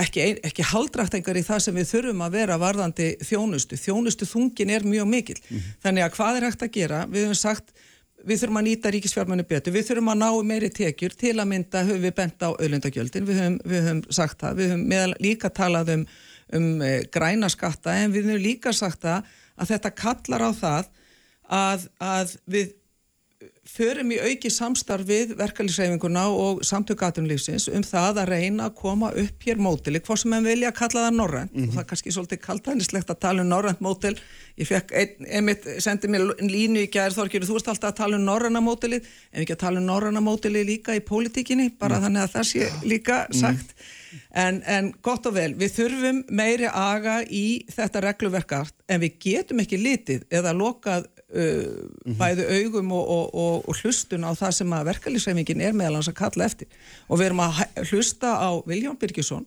og Ragnar Þór mm. segja það er full reynd með þennan, þennan gjaldmiðl og það er ekki bara þeir sem hafa sagt að við sáum það og les, lásum meðal hans í skýslunni 2012 frá Sæðlabankunum og síðan núna aftur 2019 skýslu sem, a, sem a, uh, er ágætt að miða við það er verið að segja tilröunum með íslensku krónuna, hún er í rauninni full reynd. Mm -hmm. Það gengur út á það að möndla með gengið beint og óbeint hverju sinni og það endanum bytnar alltaf á þessum hópi mm -hmm. sem að mér finnst Sigur Ringi og Ríkistjóðan ekki verið að hlusta og við megum ekki tala um að því þá erum við að kalla úlfur úlfur en það er þannig og það góða við íslensk pólitík er að þingmenn að við erum nálagt fólkinu. Þetta eru sögurna sem ég er að fá Þetta eru sögurnar sem ég er að heyra á bændaþingum. Þetta eru sögurnar sem ég er að heyra frá fólkinu í Hafnafyrði, á Skaganum, austur á Egilstöðum. Þetta er fólki sem er að segja þið verðið að fara að gera eitthvað og ég ætla ekki að bjóða framtíðin upp á það mm. að á fimm ára fresti þá þurfu heimilinn og höfu þeirra alltaf vera veði að þið veru með stjórnmálafólk og gamla íhaldsflokka sem eru alltaf til í að gamla með þetta út af því þeir eru verið að halda í íslensku krónuna. Mm -hmm. Já. og þetta er nú bara búið að vera nokkuð gott síðan 2013 efnarslegu stöðuleiki en við erum að glíma núna við þennan afleðingar ég veit að það er ekkit gaman að tala um alheimsvaraldur eða, eða þetta stríð sem að geysar og hefur miklu meir áhrif á flest lönd heldur en okkur sjálf. En ef við berum okkur saman við hinn löndina þá hérna þá er áskorunin okkar þensla. Og meðan hún er samtaldur í að stannast þar það versta sem geti gerst hér inn í svona verbulgu væri atvinnuleysi sem fylgir auðvitað upptöku efru mm -hmm. uh, og hérna og ég veit að við... Ég er afturnulegsi í færi. Við veit að við Þorgjörður Katri verðum sent sammálum það. Nei, ég bara er að spyrja, öruglega ekki. Þá, þá umræðu hérna mm. um þetta en, en eins og staðan er núna og það er alveg rétt að það var hérna gefin út skýsla fyrir, fyrir einhverjum árum um að sko, það ferli verið í, ég menn ekki, 20 ári eða hvað, hvað hann var sko. Nei, nei. E, þannig að við skulum nú ekki... Hérna. Við skulum ekki hérna við skulum ekki vera að, að tala um kannski eitthvað sem að við þurfum að glíma við núna næstu mánuðina sem einhverja löst sem að hægt er að gera á áratögu eða teimur. E, sko, auðvitað þarf stjórnaranstæðan að veit okkur aðhald og það er mm. mikilvægt og það samtal sem er og ég veit líka að það er flókið í, í hérna, flóru stjórnaranstæðanar. Þau tala ekkit sem er öllu, menn að það er alveg rétt sem Þorgjörg Gatrin, hún hefur gaggrínt okkur fyrir fyrir hérna oflítið aðhald og meðan mm. aðri stjórnarnastöðuflokkar hafa kallað eftir mjög miklum útgjöldum. Mm. Staðrindin er svo að, að, að við höfum að okkar mati verið svona að reyna að stilla aðhaldið þannig að það hendi nægilega vel og ég held að til þess að geta náð þessari mjúkulendingu, til þess að geta annarsvegar hérna staðið með þjónustunni við vikvæma hópa, hilbrískerfi, mentakerfi, velferðarkerfi og hins vegar sótt fram í aðurlífinu. Mm -hmm. Um, sko, Íslands þakkjæru er bara svo öflugt kannski af því að það er löst við að vera í örbursambandinu, ég veit að geti ég, ég veit að fyrir ekki að þetta er ofendur og fristandi Við erum einhverja blí húðanir sem er heima tilbúið regluverk. Þetta er ofrestandi en, en, en þenslan er svo miklu meiri hér. Og hérna launin hafa verið til þess að gera herri er bara sambarlega við Noreg og Sviss -hmm. sem er heldur ekki á örbursambandinu að þá hérna þá er spurningin hvað getur við gert betur? Og við getum alltaf gert betur og neyra þingi í samstarfi við stjórnarastöðunum mm. getum við gert betur og ég, en, en, en, ég held að Sælabokkin hafa hlustað okkur og sagt, herðu, þessi fjárlög, þau eru fín, ég ætla ekki að hækka vexti. En ég ætla, ég ætla að sjá hlut ég ætla, að sjá hvað gerist á, ger, gerist á hérna, vinnumarkaðanum já, ég menn ef við værum bara með eitt stjórntæki og þá myndum við þetta vilja að allir aðri gerðu sem mest sem við þurftum ekki að beita því en, en Sigur Ingi, það, það er náttúrulega þannig að, þegar, að því að þú nefnir það sérstaklega við erum að glýma við þenslu og eh, eitt af þínu megin málum er náttúrulega að fjölga íbúðum Já. og byggja og byggja og byggja meira. og það, ég veit að það gengur hægt. Og þetta er ekkit einfalt mál að stilla vegna þess að, að hérna, megin tæki til þess að ná niður þenslunni og verbulgunni er að kæla íbúðamarkað sem að seljabankin hefur ekki já, sem að skapa síðan mun skapa hérna, sko, eftirspurna sprengju þegar þetta vextina fara niður og þarna, ég veit það ekki Þetta er ekki auðvelt. Og, þess, og þess vegna erum við að reyna byggjundur það að Já. það sem við getum gert núna semst, með ofinberum aðgerðum við erum ekki að reyna að taka yfir markaðin eins og einhverjir Ég er ekki að halda því frá möldu sko. Ég er bara, að reyna að lýsa einhverju stöðu Einhverju þarna úti halda það sko. uh, Sælabankin eru auðvitað að reyna að slá á hann en á sama tíma eru við að reyna þá að byggja upp undir einmitt þess að við komum hópa sem að myndu, myndu hérna gagnast mjög að fá þessa, þessi hérna hagkvæmi húsnæði og viðræðalögu verði. Mm nú bara þýðingur ennsku, kannski ekki góð affordable housing mm -hmm. en hérna uh, semst, ef við getum það og þannig undirbyggt sterkari legumarka fyrir þannan tekjulagsta hóp og á sama tíma aukið við, við hérna sér egninas í gegnum mm. hluteldarlánin sem að, sem að menn tók virkilega vel vissir í sumar þegar við gáttum breytt hérna uh, þessum viðmiðum uh, ef við getum haldið þar áfram og beitt semst henni ofinbera á takmarkuðum hluta þá getum við kannski kyrt mm. nægilega mikið áfram þannig að þegar við náum ástónu neður mm. þá takkir markaðar við og þá held ég við séum þetta er það sem við erum búin að reyna að vinna að, mm -hmm. og við hefum bara gert það í samstæði við mjög markaðala og ég veit ekki annað en að það séu flesti sammálum þetta Já, ég, já, já, ég er sammálað því að ég held að hlutildalónin hafi verið ágætt innlegin í þetta, það þarf að tryggja meira meira frambóð, við verðum að átt okkur á því að, að þú veist, nákvæmlega þessi sviðsmynd sem að þú settur upp, við þurfum að vera viðbúin henni, en ég hef hins vegar ágjörði, við erum að sjá það að byggingamarkaðurinn er að skreppa saman. Og ég held og ég rætti þetta við með góðar undutektir, vinsamleira undutektir hjá helbriðsráður að heldur en oft gerist hjá framsóknumfloknum, er einmitt að fara í þetta samstagsverkefni eða PPP varðandi uppbyggingu hjúkunaríma. Mm -hmm. Við verðum að reyna að ná í þessa miklu fjölgun og vera viðbúin þannig að þegar að sjúkurhásið okkar, spítalinn okkar, landsspítalinn, fer í, í nýja húsið að þá sé það ekki bara stækkun á öldrunarím að það verði bara stæst á öldrunarstofnum landsins. Við verðum að fara að stað mm -hmm. núna í, og, og ríkið að gera þjónustusamninga við stopnarnir, engarekna stopnarnir meðal annars til þess að fara að stað í, í massífa uppbyggingu á, á hjúgrunarými. Ég held að það sé vel hægt, hægt núna. En, en húsnæðismarkurinn í heilsinni, hann er mjög mikil áskurun en á endanum þá verðum við að leifa okkur að tala aðeins um langtíma lausnir og, mm. og uh, ég nefndi hér Kroatíu áðan, þeir sóttu um Evrópusambandi á sama tími við, þeir eru komnir inn í, inn í Evruna, þeir eru komnir í, inn í ákveði skjól Færegar, þar er ekki aðrunleysi, þeir eru mjög sambarilegur okkur, ákveði getum við ekki farið einhverja leiðir þannig að, að börnun okkur og kannski eiginlega, ég ætti að segja eiginlega barnabörnun okkar, mm. uh, Sigur og Ringa spyrja, já, einmitt nákvæmlega spyrja okkur ekki þessar spurninga. Þú veist, ákveði gerði ekki neitt í þessu? Ákveði mm. þurfi við núna að lenda í ennþá þrefalt hærri vöxtum heldur en gerist í, í öðrum þróum ríkjum, þannig að það er ekki bóðlegt og það, við verðum að leifa okkur að tala um, um langtíma lausnir annaðir uppgjöf fyrir stjórnmálinn Kanski velja að bera sér saman áfram við Norman og Sviss alveg svo við og vera fremst í heimi utan Europassamfansins Bestu þakki bæðið tveið fyrir að koma og hérna Albert Jónsson er hjá mér eitt ögnablik Sprengisandur, alla sunnudaga á bylgjunni.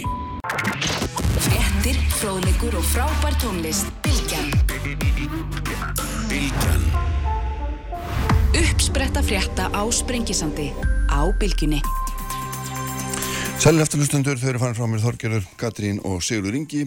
Um, nú ætlum við aftur að fara út í heim því hingað, hingað komin og sestur hjá mér Albert Jónsson uh, fyrir hann sendið þeirra þetta sérfræðingurum í alþjóðmálum. Við ætlum, sælir blessar Albert og velkomin æfilega.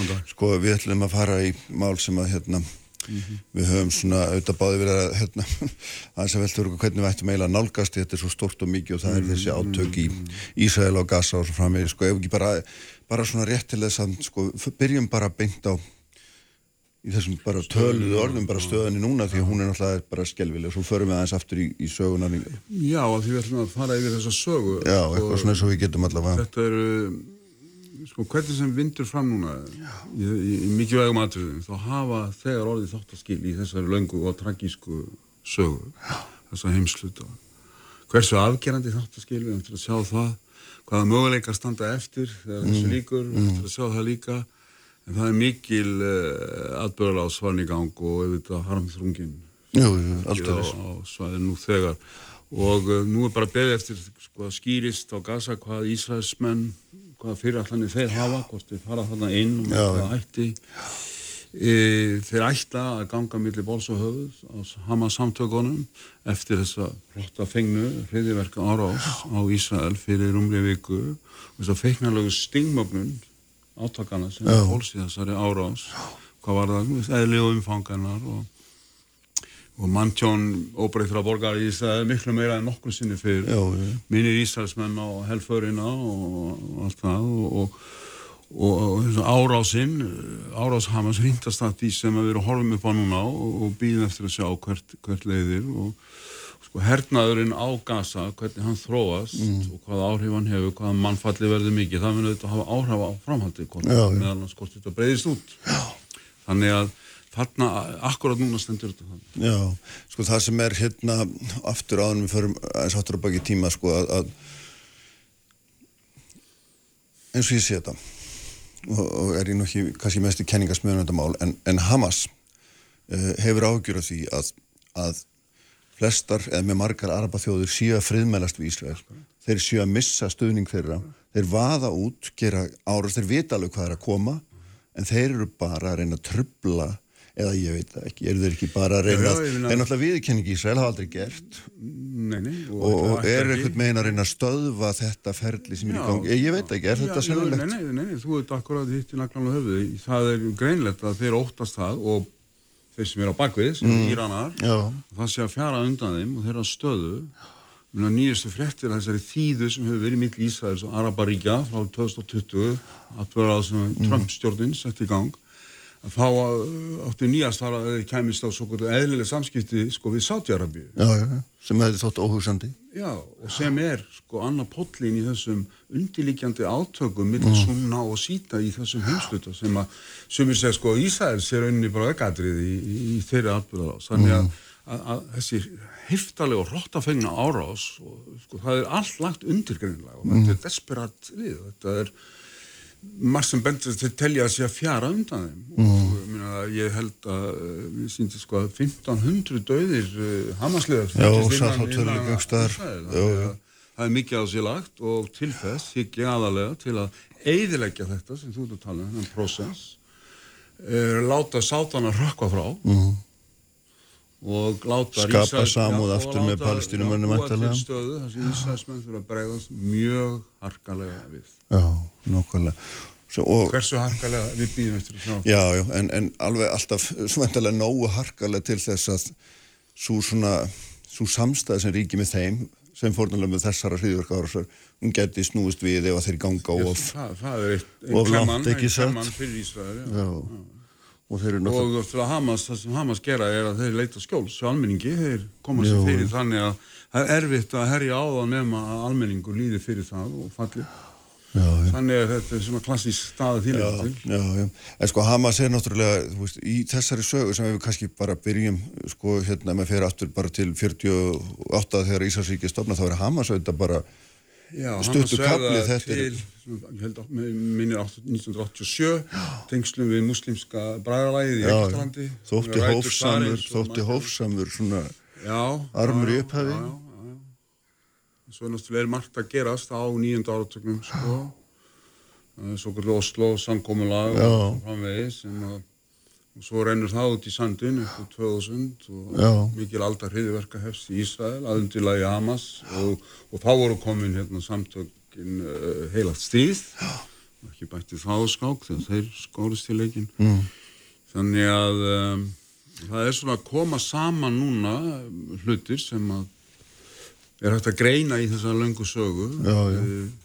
og, og, og, og magnast auðvitað, auðvitað á síðustu árum Já, en á meðan öllu þessu framvundi og hérna og margar tilröðinir verið gerðan eins og nefndir Oslo samkúmlaði, ég meina bandaríkjumenn hafa reynd nokkrum sinnum að hérna á fengi menn til að skrifa undir fríðarsamkúmlaði, ég meina Carter var þar, hérna Clinton var þar og Og þetta og var raunverulega samninga við Já, já, og allt átti þetta merkilegt en ekkit að þessu hefur haldið. En á meðan náttúrulega er þessi, er þess að 2,23 miljónir manna þarna inn á gasa sem eru þetta bara í hreinræktuðu fangilsi, getingum frjálstöðustróki og maður sér að líka núna hvernig Ísraelsmenn eru með tangarhald á öllum lífsnöðsinum, ramagni, vatni, já, matvælum og haft mörg ár sko. Hamas hafa fengið allt sitt ramag sko frá Ísrael. Já, og hverjum degi hafa heldur 20.000 manns farið út úr Gaza inn í Ísrael að vinna. Sko það er Egiptar hafa líka lokað á Gaza sko, jú, jú, þannig að þetta er flókin, flókin stað. En, uh, en þetta, þessar tilhörnir sem þú nefnir sko til að koma á friði, það er Sko það er hefjast um, sko, Ísæs, Ísæsríki verður til fyrir ákvarðan í saminuðu þjóða 1948 á Palestín áttu að vera Ísrael og svo Araparíki svo verður ekkit úr þessu Araparíki og þegar stríði, fyrsta stríðinu líku 1949 með ofnarliði mm -hmm. þá er þetta Ísrael og svo Jordania og, uh, og Egiptaland Já í, sem er aða leikendur svo er svona, þú veist, hraðspólum sko, það fara alveg 67 þegar 16. stríðið er búið já.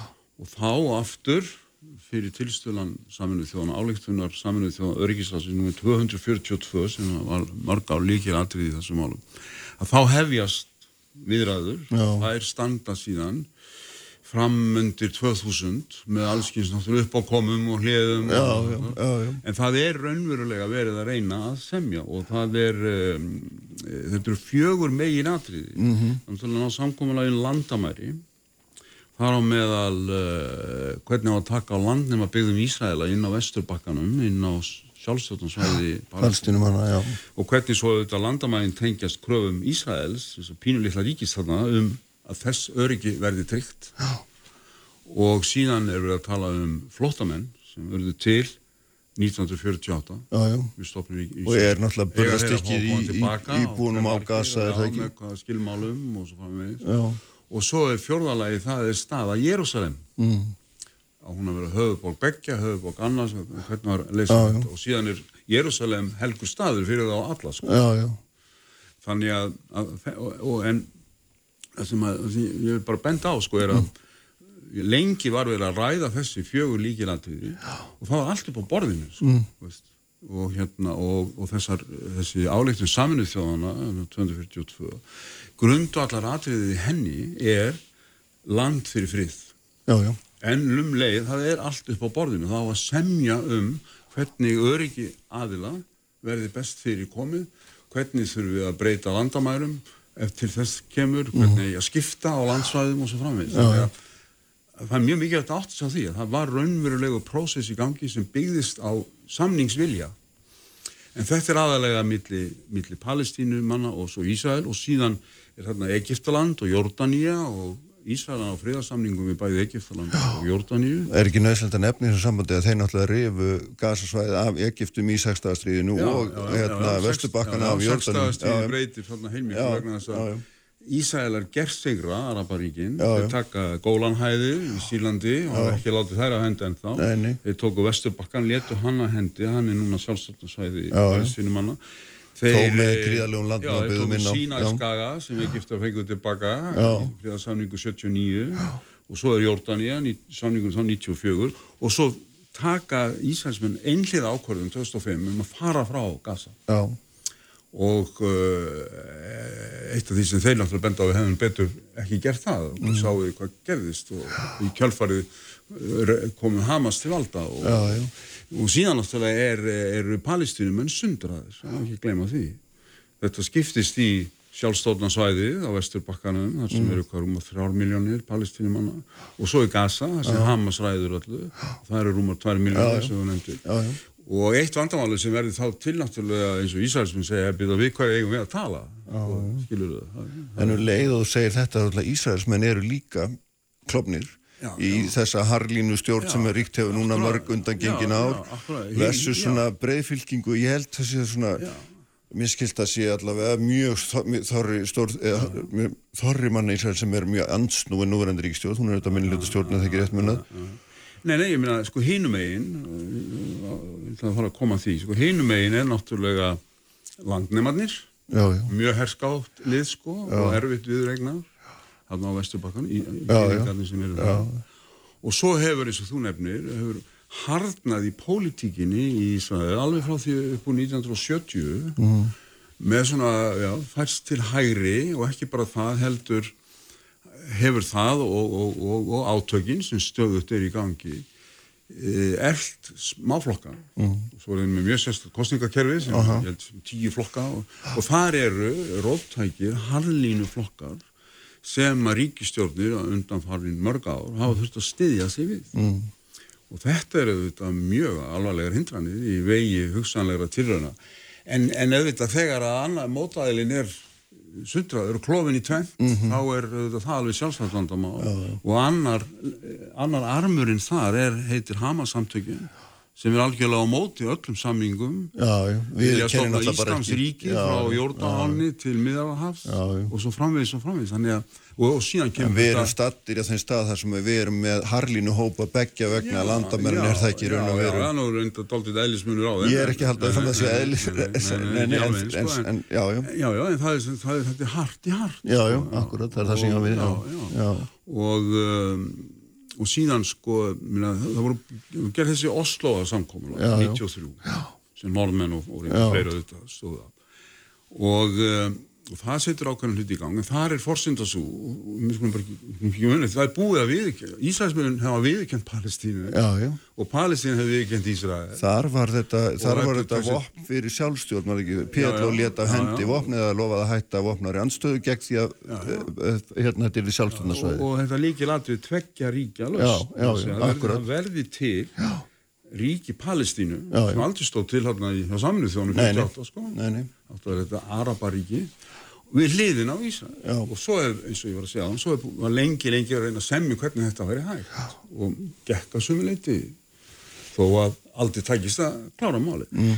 en síðan siglir þessi Oslo-prósess daldið í strandsko af, af tveimur ástæðum, annars vegar er það sem við verðum að tala um Hamas mm. og hvernig afstæða Ísraelsmanna harnar og hins vegar þá gengur mjög illa þessi hugmynd að skiptast á landsvæðin sko, að leysa þetta landnema vandamál mennar til að leysa það bara hvernig sko, mm -hmm. og fyrir mennar til að leysa það þannig að Ísæðil færi landsvæði og Palestínum er á landsvæði í staðin þetta er svona og mm -hmm. þetta er á mm -hmm. þetta siglir í strand og í kjölfarið um 2000 þá hefst sko hriðjuverka alda inni í Ísrael sem Hamas og uh, heila þýð standabæki mm. ástæðsögnastöðum og já, já. og vegum og, og markastorkum og allt það. Og aflengina því var þessi múr allræmdur í vegum margra. Hann, hann er, komið að honum og hann er ókvæmleg sjón sko, hræðilegt að hafa þetta heimir hans er en hann stöðaði þetta þessi mm. hriðverk, hriðverk og öldu. Ísæðismenn reyndar reyðu líka dögum fylgta fólki sko hann stoppaði þetta. Þetta var mjög anstíkilegt tímabil og og þetta þetta herðir all hallinuaflin í Ísrael ekki satt? Sko þetta er, þetta er svona klassísk stað eitt voðaverkið herðir býr til nýja hindrun eða hvað það er. Mm. og um, og síðan sko það sem gerist næst er það að, að, að palestínumann og þessi sjálfstjórn er mjög veik. Og ástandið á Vesturbakkan er mjög mjög slæm efnahagslega mm. að öllu leiti aftur í sko miljardar, aftur miljardar dólarum sem hafa farið þarna, það má ekki gleyma því heldur. Það er gífurlega aðstóð sem ja, fólk fær. Og, eh, og síðan 2007 þá taka Hamas völdin á Gaza og hann slittnar algjörlega á milli sjálfstjórnarinnar sem er undir stóð fatarhefingarinnar gamla PLO er það ekki raun og veru og, eh, og síðan Hamas samtakan og það hefur ekkert gengið saman síðan þá, þetta er 2007 Já, nákvæmlega, ég las um stöðra að sko útflutningur palestinum frá Gaza á vörum væri ekstra mellir 2-5% í dag frá því hann var 2005 það er semst búið að algjörlega skrúa fyrir allt, alla þeirra bjargir. Og þannig að þetta er svona Þannig að sko, það er engar, engar viðræði verið reyndar Nei. í mörg á þetta tím sem ég var að tala um áðan það er algjörlega, það er orfið það verður ekki verið reynd, neitt reynd ég held þetta að við endanlega gespa gólunni 2008 hugsa, sko, 15 árum En hvað hva, hérna? Er þetta bara í limbo já, já. og, og nú, svo bætist núna við þetta sem þú nefndi hérna, að, uh. það er þessi prósessi þýða milli Ísraels og Araparíkja hún hefði komið samkominlega við Bahrein við saminuðu arabísku fyrstadamin við Sútan, Marokko mm. uh, Óman var á leiðinni og svo Sáti Araba sem alltaf skiptir gífilega miklu máli og, um, og, og þetta var svona, svona síðasta, síðasta efnið í þennan kokteil sko, sem, mm. að, sem að síðan bara springur upp fyrir umri viku og uh, Sko einu ástæðin fyrir því að Ísrael fara eða minnst, þú veist, hafði svolítið er það margar en einaðum hérna 2000 og er ekki fimm sem þeim fara frá, frá Gaza mm. Uh, og hætta herrnámi og, og hérna bara segja við erum bara farnir. Var þetta svo þetta var gríðala dýrt og þeir eru þetta að hafa gríðala mannabla og hérna þetta var mjög erfitt og flókið og, og en núna þegar, þegar ef þeim tekst að rekja Hamas út af þá eru mjög margir svona svo kallaði stjórnmála skýrendur að spá því að það hefvist á ný hérna hernám. Þeir muni aldrei geta annað en verið með herlið þarna inni að... Já, já, þetta er einn klemman sem að Ísraelsmenn er í og vitum og tala mjög opiðskáttum mm. að annars er sko, þetta er margar að gómið umræða að, að sko hættan fyrir Ísrael sem er nú líraðisríki, eina líraðisríki þannig á stóru sæði mm. það er að vera þessi kallar eins og svona Garrison State sko, það fer bara öll aðdorkan í þetta, í öryggismálin, í herinn og allt það mm Nota benni Ísrael reyndar mjög mikil velgengni í Ísrael, öllu leiti, efnahagslega mjög vel stæðir og allt það og mikil nýsköpun og mikil tækni þjóð og en, en, en þetta er áhugjefni hvernig, get, hvernig getum við haldið þessu öllu gangan, það er á meðal herrnámi og mm. annað mm. og verið svo í, í, í líraðisríki, það er bara, bara ákveðin klemma Já. og svo er þetta sem þeir eru líka áhugjefað sko eitt sem gerist ef það styrst ekki að semja, er ekki að klára þessi mál þá færist við frá tveggja ríkja löst yfir í eitt ríki. Mm -hmm. og hvaða ríki er það? Já. Það er við í minni hluta sko, skilur þau þannig að tveggja ríkja löstin er það eina sem, sem stendur til bóða að ferra áleiti og er eina raunhafa löstin en vilist vera steindauð í öllumblíkinu þeir vil ekki eins í eitt ríki.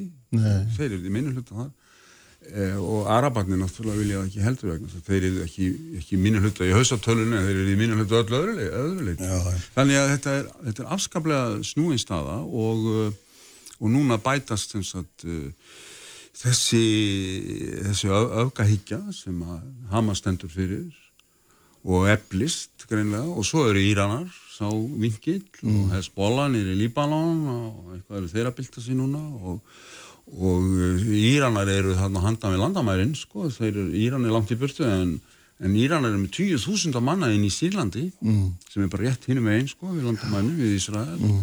og það er líka jihad, uh, samtökin heilagt stríð og sko ég og kona mín við löppuðum í nokkra daga í norður Ísrael 2014 mm. og þá bara, þú maður þarf að koma að það og gera það til að sjá hvað þetta er lítið pláss Já Já, akkurat. Og gólan hæðið eru bara hinum með við galið vatnið og er náttúrulega kílometrar. Þetta er allt. Þannig að þetta er svo, svona þrungin staða, sko. Sem á þetta er litið. Og svo kemur, kemur þessi árás fyrir rúmið viku sem eins og ég sagði á hann er þátt að skila svo mörguleiti og fyrir Ísraelsmenn, sko. En hvað bara... geta, hvað geta Ísraelsmenn raun og veru gengið langt í þessu að hérna, sko, Það er stutt í allar helstu stofnarnir heims, myndi ég halda, að fara að velta því fyrir sér hvort þessi ekki komnir allt og allt og langt og farnir að brjóta alþjóðalög og, og öllu lög sem gildum hernað og sjálfsagt er það löngu orðið. Sko. Já, löng, það er mjög gömul umræðan. Já. Það er, er lagfrængar að segja þessi allir að brjóta alþjóðalög hann, sko. Já, en þetta náttúrulega hefur mikið að gera með það hvaða svona stuðning mann fá.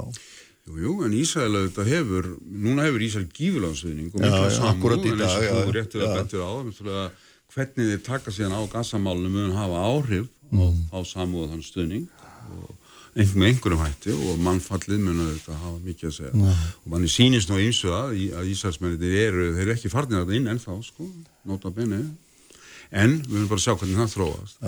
En en, en, en, en Ísrael nýtur auðvitað mikið segin, það var bandaríkinn og sko, flest, flest uh, vesturland bak við sig. Einhvern tíman þegar Konstantin talaði við mig um Úgrænu þá hérna, var það svona því samtali það gerist ekki náttúrulega bandaríkjumenn viljið það.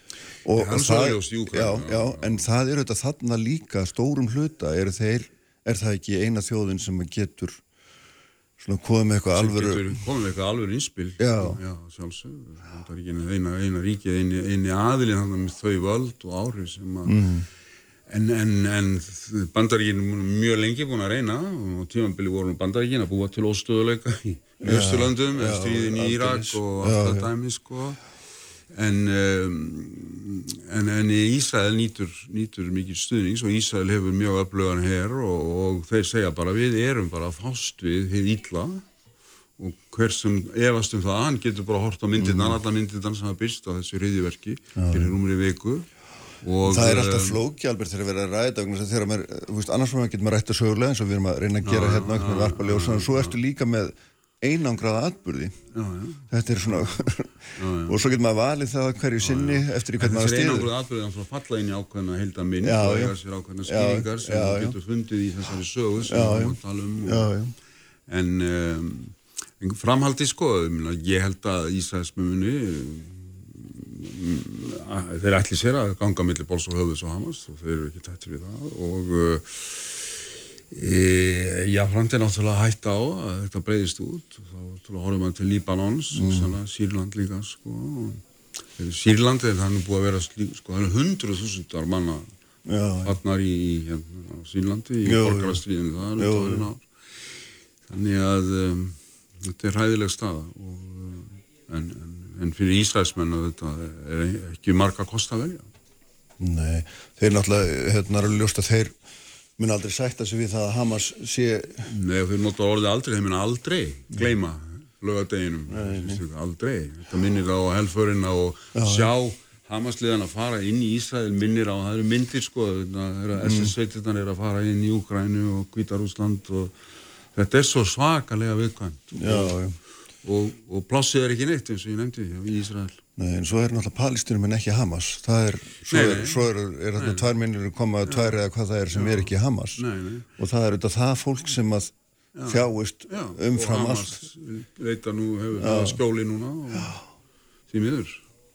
Já, þetta er hérna Þetta er hérna merkilegt hvernig þetta getur allt saman einhvern veginn. Hvað, hvað er svona, því að nú vitum við það að þetta gegnum ára týjin að þetta hefur verið sko þetta hefur verið svona, hvað maður að segja, söðupottur heimsins. Var mm. það langar hríð mm. og hérna menn mm. skiptust í fylkingar, vinstri menn stöttu palestínumenn og hægri menn stöttu Ísraelsmenn og kaldastriði lág hann eitthvað með þvert á milli.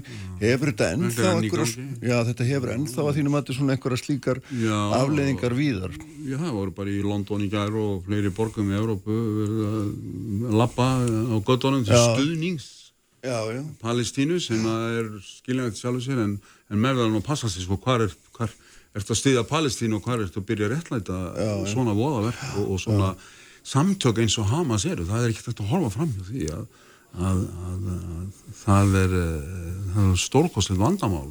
Mm. hvernig þeir, þeir þeirra stefna eins og ég sáðan stefnaðir er í rauninni Íslands ríki frá Jórdanáni og, og til miðarhals svo er það með svona taktísk útspil sko, ok, við getum fallist á landamæri Ísæðis var aftur til 1948, við veitum allir að það er náttúrulega alls ekki raunsa í mm. stefna. Og getum eins og þetta kalla það samningastefnu. Þannig að, að, að og ef að þið svo fylgjast sjá það í sjónvarpinu að það hefur verið að lappa á göttum Európu til að þeim til stuðning mm. þá er það, þetta hjálpar það ekki, það er augljóst. Nákvæmlega, svo má ekki gleyma líka að það er náttúrulega líka í, eins og í Líbanu eru týjar ekki hundruð þúsunda palestinumanna í flótumannabúðum og búin að eða allir sinni æfi að býðast til að komast heim til sín, ekki satt? Og...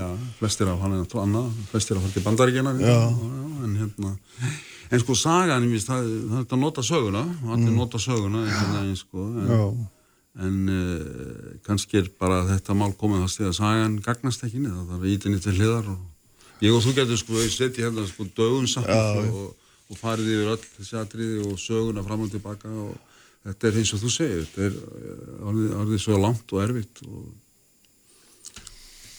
Já, heyrðum Já, já, nákvæmlega. Heyrðu, við skulum hérna láta þessu loki byrji, takk einlega fyrir að koma Björn og hérna vera með mér í þessu hérna. Sprengisandurum verðum við að láta lokið í dag. Ég veit að við Haldursson styrði auðvitað útsendingu þess að hann gerir alltaf all efni finniði hvarvetna vísi.is, bilgjam.is og bylgjöppin og svo þetta er það sem þið finnir hlaðvarp og svo erum við eftir með ykkur hér eftir vikur, verið sæl.